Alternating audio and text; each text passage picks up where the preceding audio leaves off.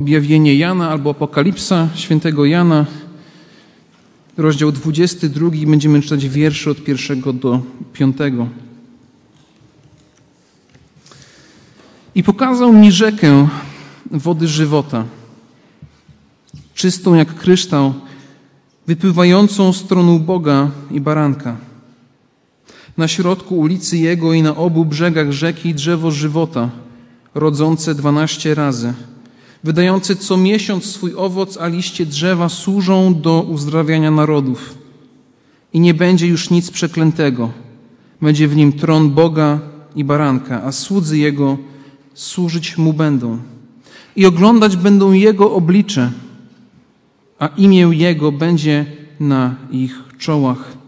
I nocy już nie będzie i nie będą już potrzebowali światła lampy ani światła słonecznego, gdyż Pan Bóg będzie im świecił i panować będą na wieki wieków. Moi drodzy, dzisiaj mamy drugie takie kazanie z naszej zborowej serii adwentowej. I ta seria adwentowa skupia się na Bożej historii, w Bożym Słowie. Historii, która tak naprawdę ma trzy przystanki, i te trzy przystanki to są trzy drzewa. Tydzień temu brat Konrad Buza miał kazanie na temat pierwszego drzewa, drzewo poznania dobra i zła, od którego historia się zaczyna.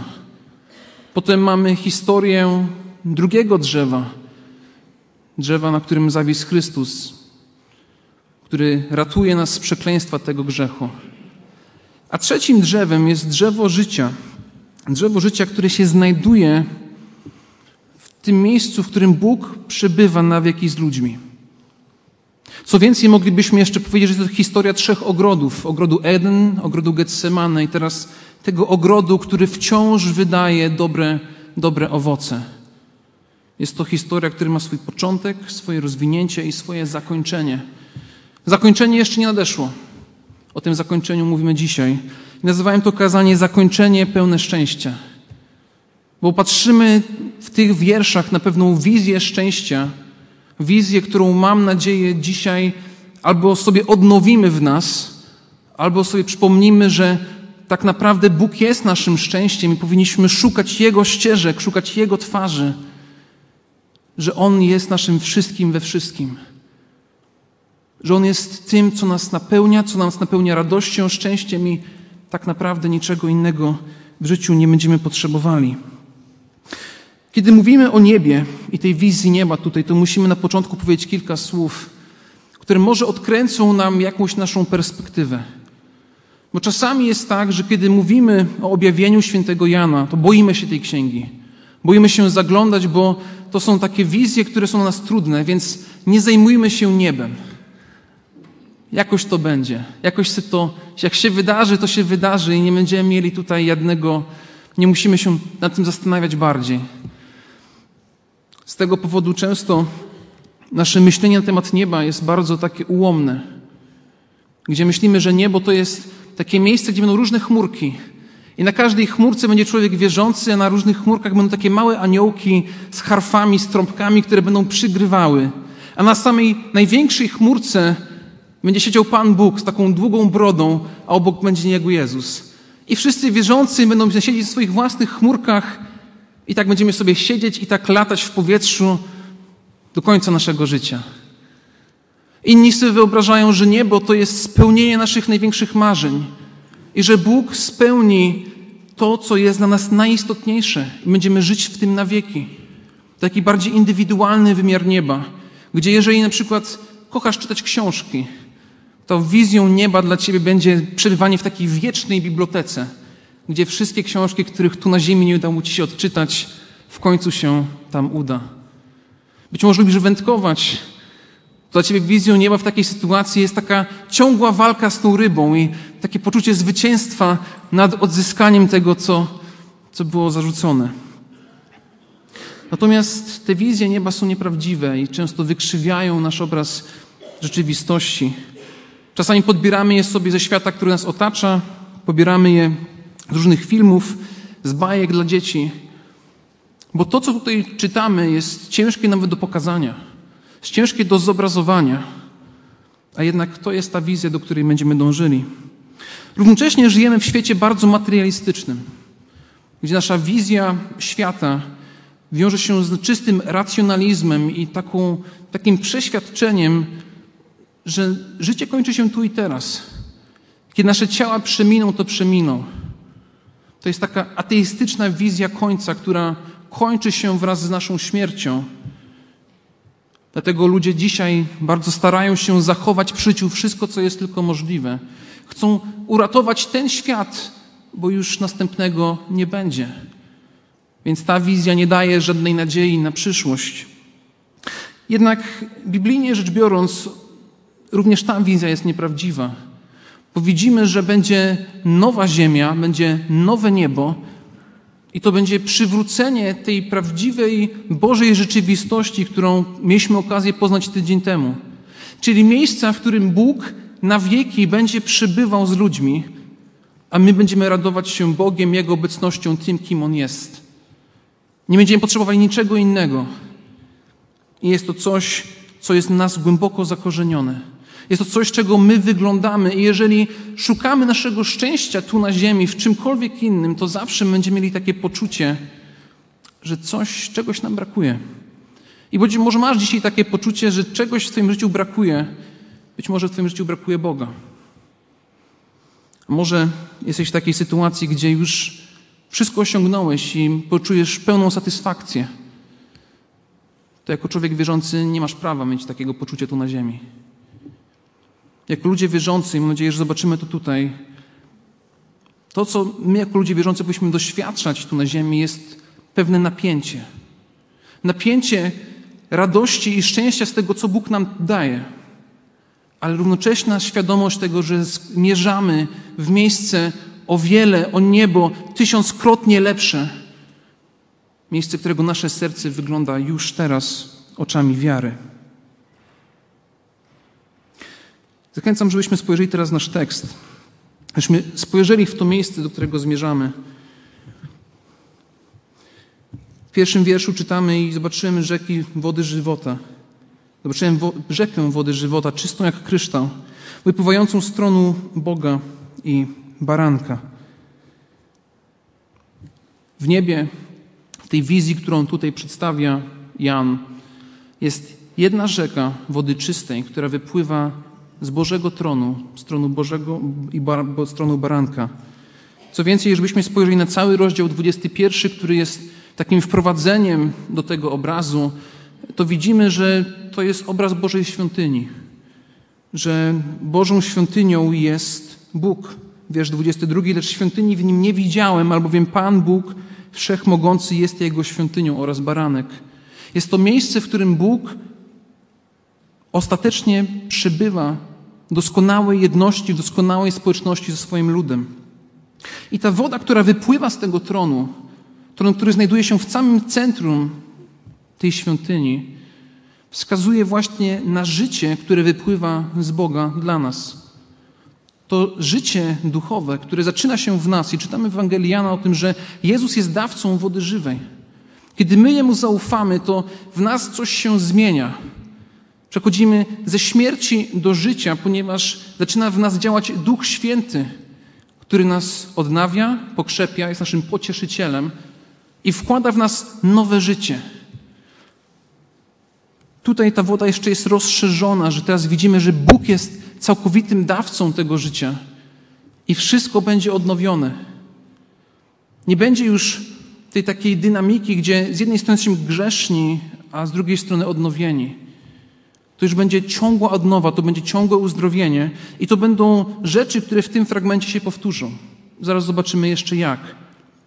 Natomiast tak jak dzisiaj też już było czytane w księdze Ezechiela, wody żywe często mają dodatkową symbolikę, które pokazują, że Bóg z duchowej pustyni jest w stanie uczynić ogród, jest w stanie uczynić życie.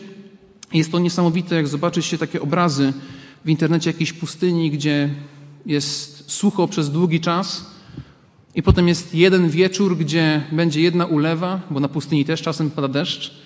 I potem następnego dnia, po tym, kiedy spadnie deszcz, pustynia jest w stanie zamienić się w miejsce pełne kwiatów, pełne kolorów, pełne życia. I nasze duchowe pustynie naszych dusz zostają wciąż napełniane. Nie ma poczucia, że czegoś mi brakuje, że być może nie spełniam w jakiś sposób Bożego standardu.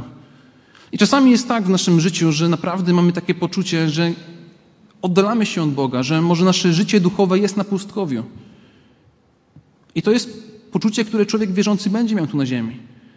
Że będą chwile lepsze, kiedy będziemy czuć się blisko Boga, i będą też te chwile, kiedy naprawdę w naszym życiu duchowym, osobistym czujemy się od Boga daleko i mamy wrażenie, że wracamy na duchową pustynię. W niebie nie będzie tego problemu. Niebo jest miejscem, kiedy poczucie naszej bliskości i doskonałej relacji z Bogiem będzie tak wspaniałe, że nie będziemy mieli poczucia, że nasze życie duchowe jest pustkowym. To będzie miejscem, kiedy nasze życie duchowe będzie wzrastało i wzrastało i wzrastało i tego wzrostu nie będzie końca. Jest to woda, która wypływa z trunu Boga i baranka. Natomiast naprzeciwko tej wody, po dwóch stronach, stoi drzewo. I niektórzy uważają na podstawie księgi Ezechiela, że to jest kilka drzew, bo tam ten obraz jest tutaj użyty. Być może to jest jedno drzewo, które ma takie dwa długie korzenie, które mieszczą się i robią taki most nad tą rzeką. Ale czytamy, że to drzewo to jest drzewo życia, rodzące 12 razy, wydające co miesiąc swój owoc.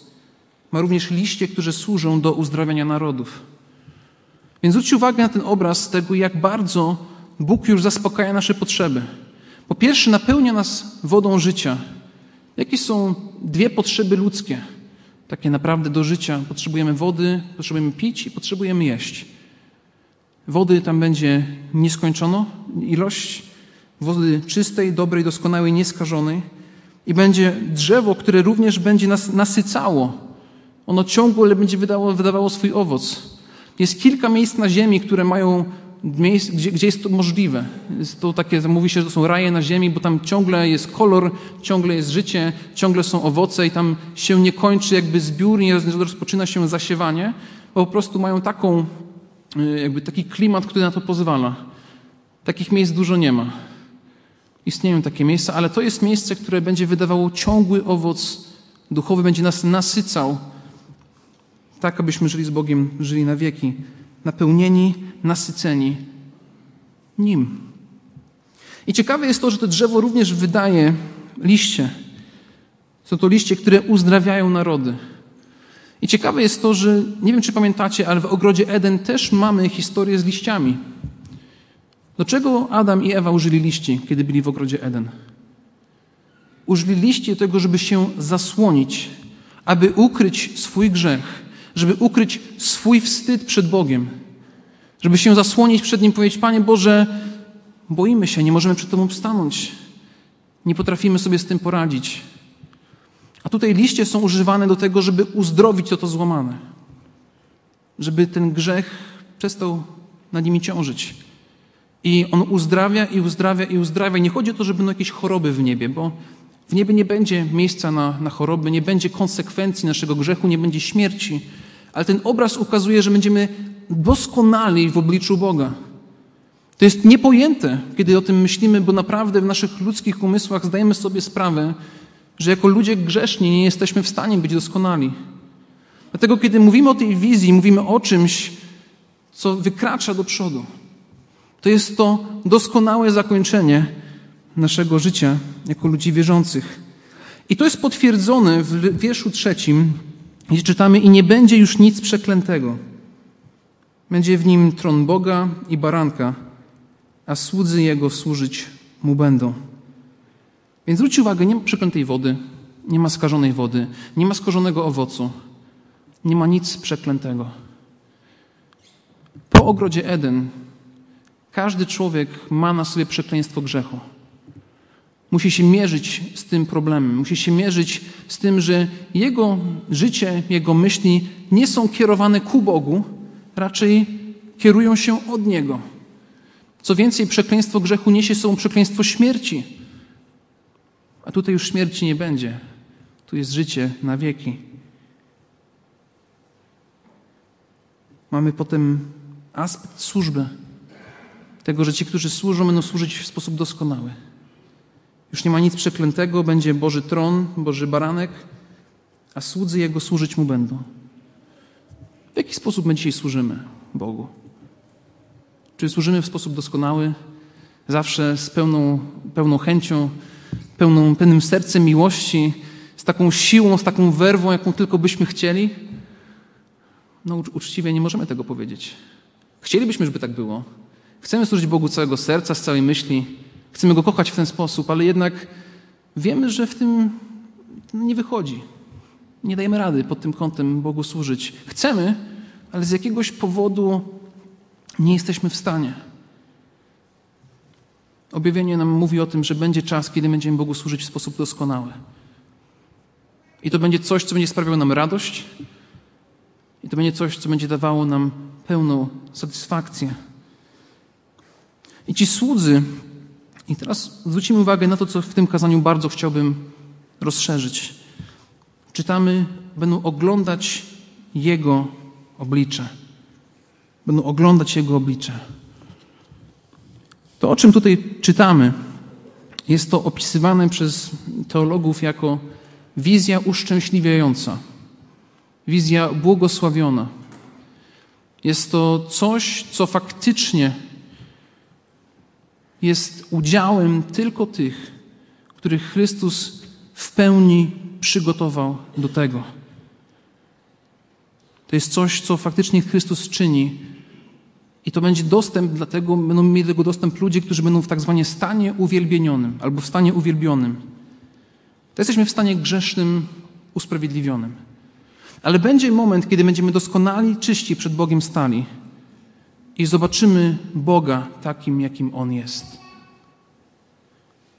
Być może ktoś z Was mówi, nie jestem przekonany.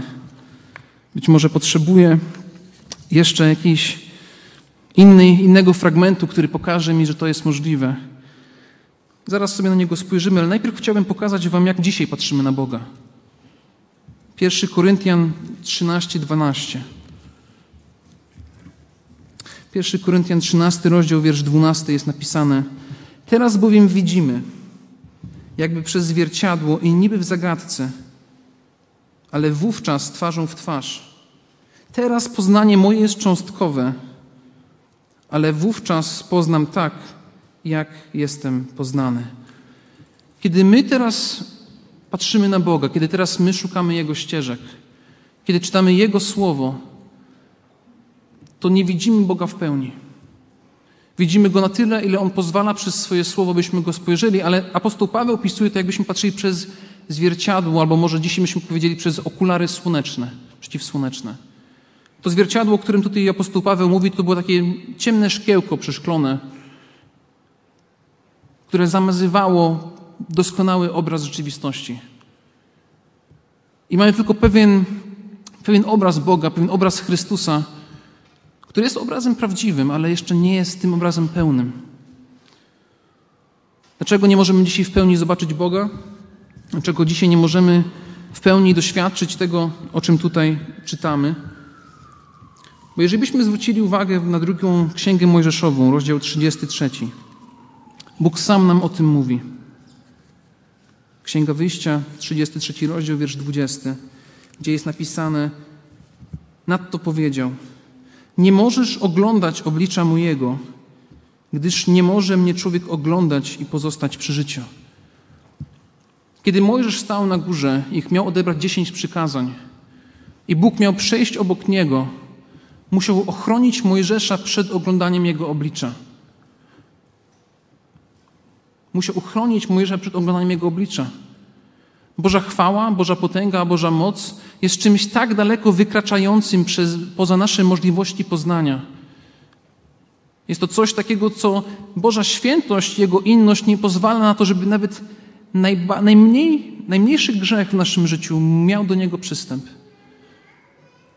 Więc ludzie, którzy będą oglądać Boga, którzy będą żyć z Nim na wieki, którzy zobaczą Go takim, jakim jest, to są ludzie, którzy są doskonali, którzy są święci, którzy są razem z Bogiem uwielbieni. O tym dzisiaj nie myślimy. To jest jakaś abstrakcja. To jest takie patrzenie, troszkę takie filozofowanie. Takie jak, jak, jak to możliwe w ogóle? Przecież my tutaj widzimy naszą rzeczywistość, jaką mamy, taką, w której żyjemy i wiemy, że tak musi być, ale mówienie o tym, że kiedyś będziemy doskonali, i że tak kiedyś będzie i to będzie piękne i wspaniałe. To nie, to, to, to, to, nie, jest, to nie jest to. To jest pewna abstrakcja, z którą ciężko czasami nawet nam się uporać. Ale w Ewangelii Jana w 17 rozdziale czytamy o tym, że Jezus modli się o tym dla nas. Jezus mówi: Ojcze, chcę, aby także ci, którzy mi dałeś, byli ze mną tam, gdzie ja jestem.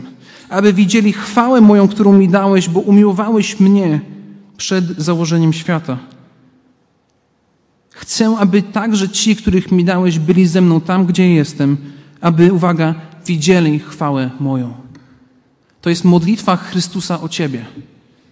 Abyś Ty kiedyś zobaczył, zobaczyła Jego w pełnej okazałości, w pełni Jego chwały, żebyśmy mogli dostąpić tego błogosławieństwa.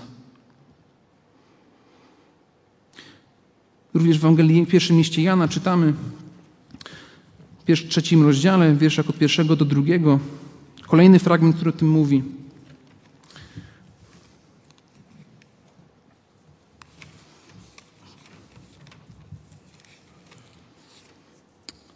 Pierwszy list Jana, trzeci rozdział, wiersz od pierwszego do drugiego. Patrzcie, jaką miłość okazał nam Ojciec. Zostaliśmy nazwani dziećmi Bożymi i nimi jesteśmy. Dlatego świat nas nie zna, że Jego nie poznał. Umiłowani, teraz dziećmi Bożymi jesteśmy, ale jeszcze się nie objawiło, czym będziemy. Lecz wiemy, że się, gdy się objawi, będziemy do Niego podobni, gdyż ujrzymy Go takim, jakim jest. Nowy Testament zapowiada ten moment, kiedy nasze ciała będą przemienione, kiedy będą uwielbione, a my ujrzymy Chrystusa takim, jakim On jest i będziemy cieszyć się i będziemy radować się Nim na wieki, zgodnie z pierwszym zamysłem tym, co przewidzieliśmy w ogrodzie. Nawet w ogrodzie Bóg nie pokazał się w pełni Adamowi i Ewie. Był schowany w jakimś tam stopniu, przechadzał się między nimi, ale nie był w pełnej okazałości im ukazany. Natomiast my będziemy mieli tego dostęp, będziemy mieli ten przywilej i wtedy prawdziwie doświadczymy tego, co to znaczy doznawać Bożego szczęścia w naszym życiu. Bo to jest jedna z takich rzeczy, która wiąże się od samego początku, że naszym szczęściem powinien być Bóg. Naszym szczęściem powinien być Bóg. Powinniśmy Go szukać swoimi myślami, swoimi ścieżkami, powinniśmy żyć zgodnie z Jego Słowem, ponieważ On jest naszym szczęściem. Tylko co to znaczy, że On jest naszym szczęściem? Co to znaczy, że będziemy się Nim radować na wieki? Psalmista dobrze to oddaje w 17 psalmie, kiedy też mówi o tym, że będzie oglądać Boga.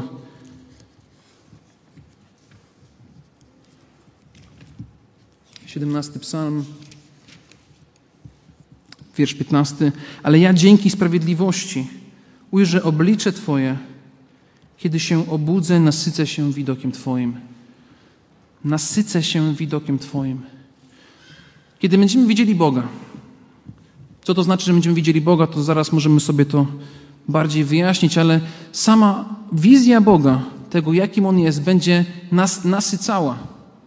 Kiedy ostatnio byłeś nasycony? Kiedy ostatnio byłaś nasycona? Jakie to było uczucie? I nie musi być nasycenie jedzeniem, może to jest jakieś nasycenie pewną szczególną sytuacją w Twoim życiu, że czułeś się content. Jest takie polskie słowo, być, być content. Czyli czujesz się taki zaspokojony w każdym możliwym wymiarze. I teraz pomyśl o tym, że to uczucie będziesz miał na zawsze. Będziesz content na zawsze. I to nie będzie wynikało z tego, że będziesz musiał teraz coś robić, prostu się okaże, że w końcu te Twoje najgłębsze pragnienie, to, czego Twoje serce wygląda teraz, będzie po prostu obecne. Augustyn powiedział: Stworzyłeś nas bowiem jako skierowanych ku Tobie. I niespokojne jest serce nasze, dopóki w Tobie nie spocznie. Stworzyłeś nas bowiem jako skierowanych ku Tobie i niespokojne jest nasze serce, dopóki w Tobie nie spocznie. Więc moje pytanie do Ciebie dzisiaj jest takie: czy dzisiaj, żyjąc tutaj, na Ziemi, żyjąc w Polsce, żyjąc w Warszawie, czy czujesz się w każdym możliwym wymiarze zaspokojony? Czy czujesz się, że już bardziej szczęśliwy być nie możesz? Już wszystko, co chciałeś osiągnąć, tu osiągnąłeś, wszystko, co chciałeś pozyskać, posiadłeś? Czy jednak masz wciąż wrażenie, że coś, czegoś jeszcze brakuje? Czegoś jeszcze tutaj nie osiągnąłem, czegoś tutaj jeszcze nie mam i wiem, że tutaj tego nie dostanę. Są ci ludzie, którzy naprawdę myślą, że tutaj w życiu są w stanie wszystko osiągnąć. Dlatego dążą od jednej rzeczy do kolejnej. Mają takie poczucie, że wszystko tutaj na ziemi, co zrobią, uda im się w końcu zaspokoić właśnie tą dziurę w sercu, która sprawia, że szukamy Boga. Są nawet ludzie wierzący, którzy szukają właśnie w ten sposób tego odpowiedzi i zapominają o tym, że ich szczęściem jest życie, życie w Bogu. To napięcie, jakie istnieje i powinno istnieć w życiu człowieka wierzącego, jest ta świadomość, że tutaj na ziemi jesteśmy tylko pielgrzymami na chwilę. Tutaj to, co mamy, mamy tylko na pewien czas, który Bóg nam daje. Daje nam możliwość się z tego radować, daje nam możliwość czerpać błogosławieństwa, czerpać radość z różnych rzeczy, ale równocześnie powinno być to napięcie, że wiemy, że to nie może być wszystko. Że to nie może być wszystko, co mi życie oferuje. I w pewien sposób jest to wszystko, co tylko to życie doczesne tu oferuje. Bo jest coś więcej dla nas dostępnego. Jest to to, o co Jezus Chrystus się sam dla nas modli. To jest doświadczenia Boga takim, jakim jest. W Jego istocie, w Jego osobie. Czytamy, że Boga nikt nigdy nie widział, no bo nikt nie może zobaczyć Boga dzisiaj. Byśmy zginęli na miejscu, gdyby taka sytuacja faktycznie zaistniała. Natomiast będzie dzień, kiedy będzie to dla nas możliwe. I to ma bardzo praktyczny wymiar. Ktoś powie, no dobrze, to jest tylko patrzenie w przyszłość, jak ja mam żyć tutaj. Bardzo praktyczny wymiar tego jest taki, żeby się zastanowić, czy faktycznie czuję się tutaj zaspokojony. Czy raczej żyję ze świadomością, że czeka mnie coś więcej. Bywa tak, że są chrześcijanie, którzy nauczają, że możesz tutaj wszystko mieć tu na ziemi, że Bóg chce Twojego prawdziwego szczęścia tu na ziemi. Abyś osiągnął wszystko, czego chcesz tutaj. To jest tak zwana Ewangelia sukcesu, która naucza, że tu na ziemi wszystko jest dla nas dostępne. To jest bardzo materialistyczna, bardzo materialistyczna wizja, która wykracza poza to, co naucza nam Boże Słowo.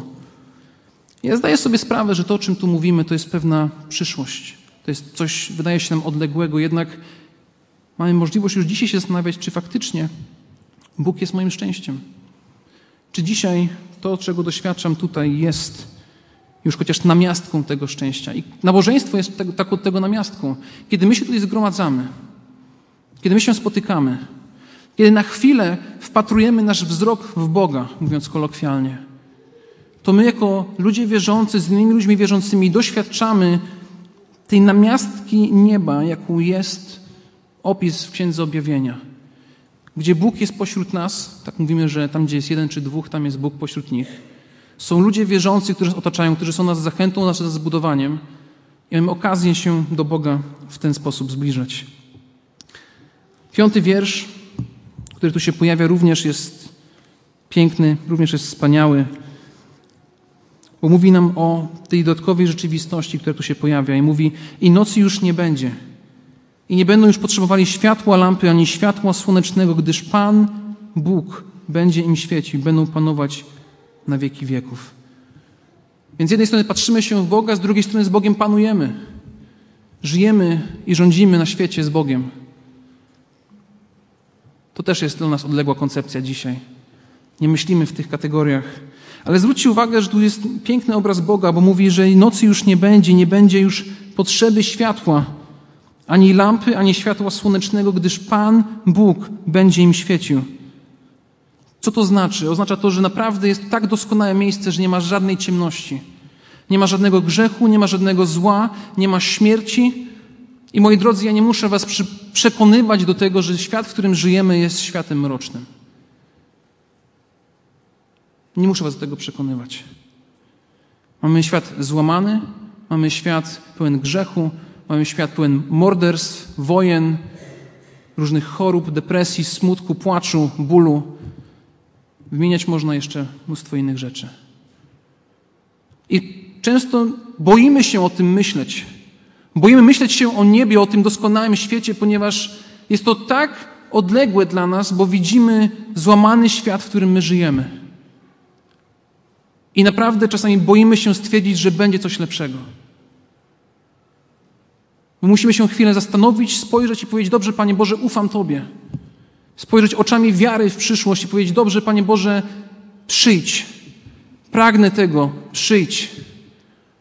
I każdy z nas, jako osoba, która zaufała Chrystusowi, powinien móc powiedzieć: Panie Jezu, przyjdź. Wyczekuję Ciebie.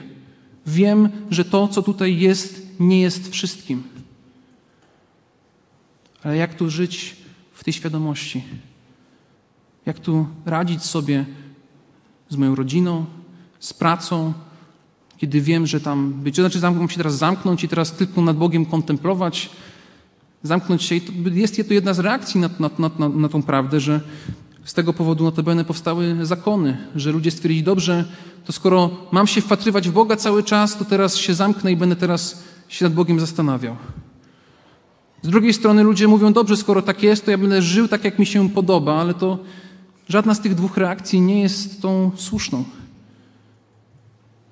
To, co znowu powtórzę i być może stanie się nudne, ale mam nadzieję, że się Wam lepiej zakorzeni, jest to, że my żyć w tym Bożym napięciu między światem, który nas otacza, światem, który miał być tą Bożą światłością dla innych ludzi, a ostatecznym dostąpieniem i doświadczeniem Bożej światłości, Bożej okazałości, Bożej wszechmocy, Bożej potęgi, Bożej chwały, tam, kiedy ten czas nastanie. I ten czas nastanie, kiedy już nie będzie bólu, nie będzie płaczu, nie będzie śmierci. I warto tego wyczekiwać. Drogi bracie, droga siostro, czy ty tego wyczekujesz? Czy ty tego się spodziewasz, że to jest twoją rzeczywistością? Jeżeli Chrystus cię odkupił, jeżeli zaufałeś, że On przebaczył twoje winy, to Chrystus nie ratuje nas tylko od grzechu, ale ratuje nas do lepszej rzeczywistości, ratuje nas dla siebie. Przeznacza nas dla siebie. Ratuje nas do tego, żebyśmy żyli z Nim na wieki i żebyśmy zaspokoili to, co jest naszą najgłębszą ludzką potrzebą, czyli właśnie przybywania z Bogiem. To jest to, czego każdy z nas powinien pragnąć i być może podświadomie tego doświadczamy, że wiemy, że jest ktoś, do kogo powinniśmy się zbliżać. Jeżeli nie zaufałeś Chrystusowi i masz to, tą potrzebę, to, to uczucie braku zaspokojenia, zaspokojenia swoich pełnych potrzeb, prawdziwego szczęścia, nic na świecie ci tego nie da. Możesz mieć najlepszą pracę, możesz mieć najlepsze kierunki na studiach, możesz mieć najwięcej pieniędzy na świecie, a dalej czuć się człowiekiem nieszczęśliwym.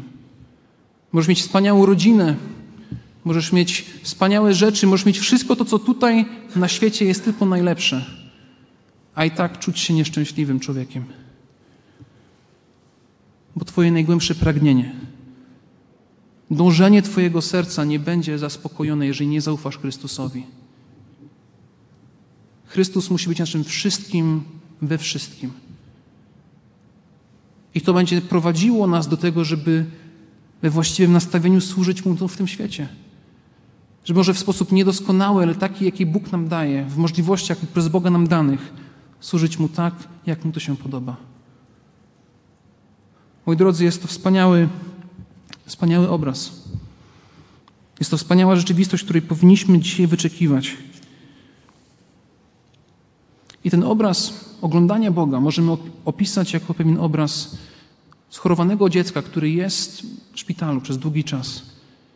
Nie ma okazji zobaczyć się ze swoją rodziną, ale po kilku latach, kiedy jest na oddziale, zostaje uzdrowiony, jakaś operacja zostaje poprawnie wykonana i wychodzi ze szpitala i ma okazję spotkać się z swoimi rodzicami, ma okazję spotkać się ze, swoim rodzeństwem i jest ogrom radości, jest ogrom szczęścia.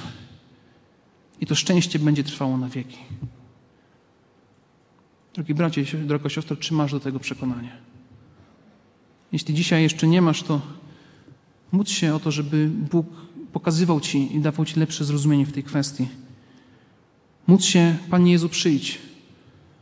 Panie, oczekuję tego, pragnę tego, abyś Ty przyszedł i zabrał nas do siebie, abyśmy żyli z Tobą na wieki. I moi drodzy, chciałbym, żebyśmy teraz powstali i pomodlili się. Zachęcam Was w krótkich modlitwach do tego, żebyście Wy się pomodlili. Ja, ja to zakończę. Módlmy się w oczekiwaniu na to, co Bóg dla nas przygotował.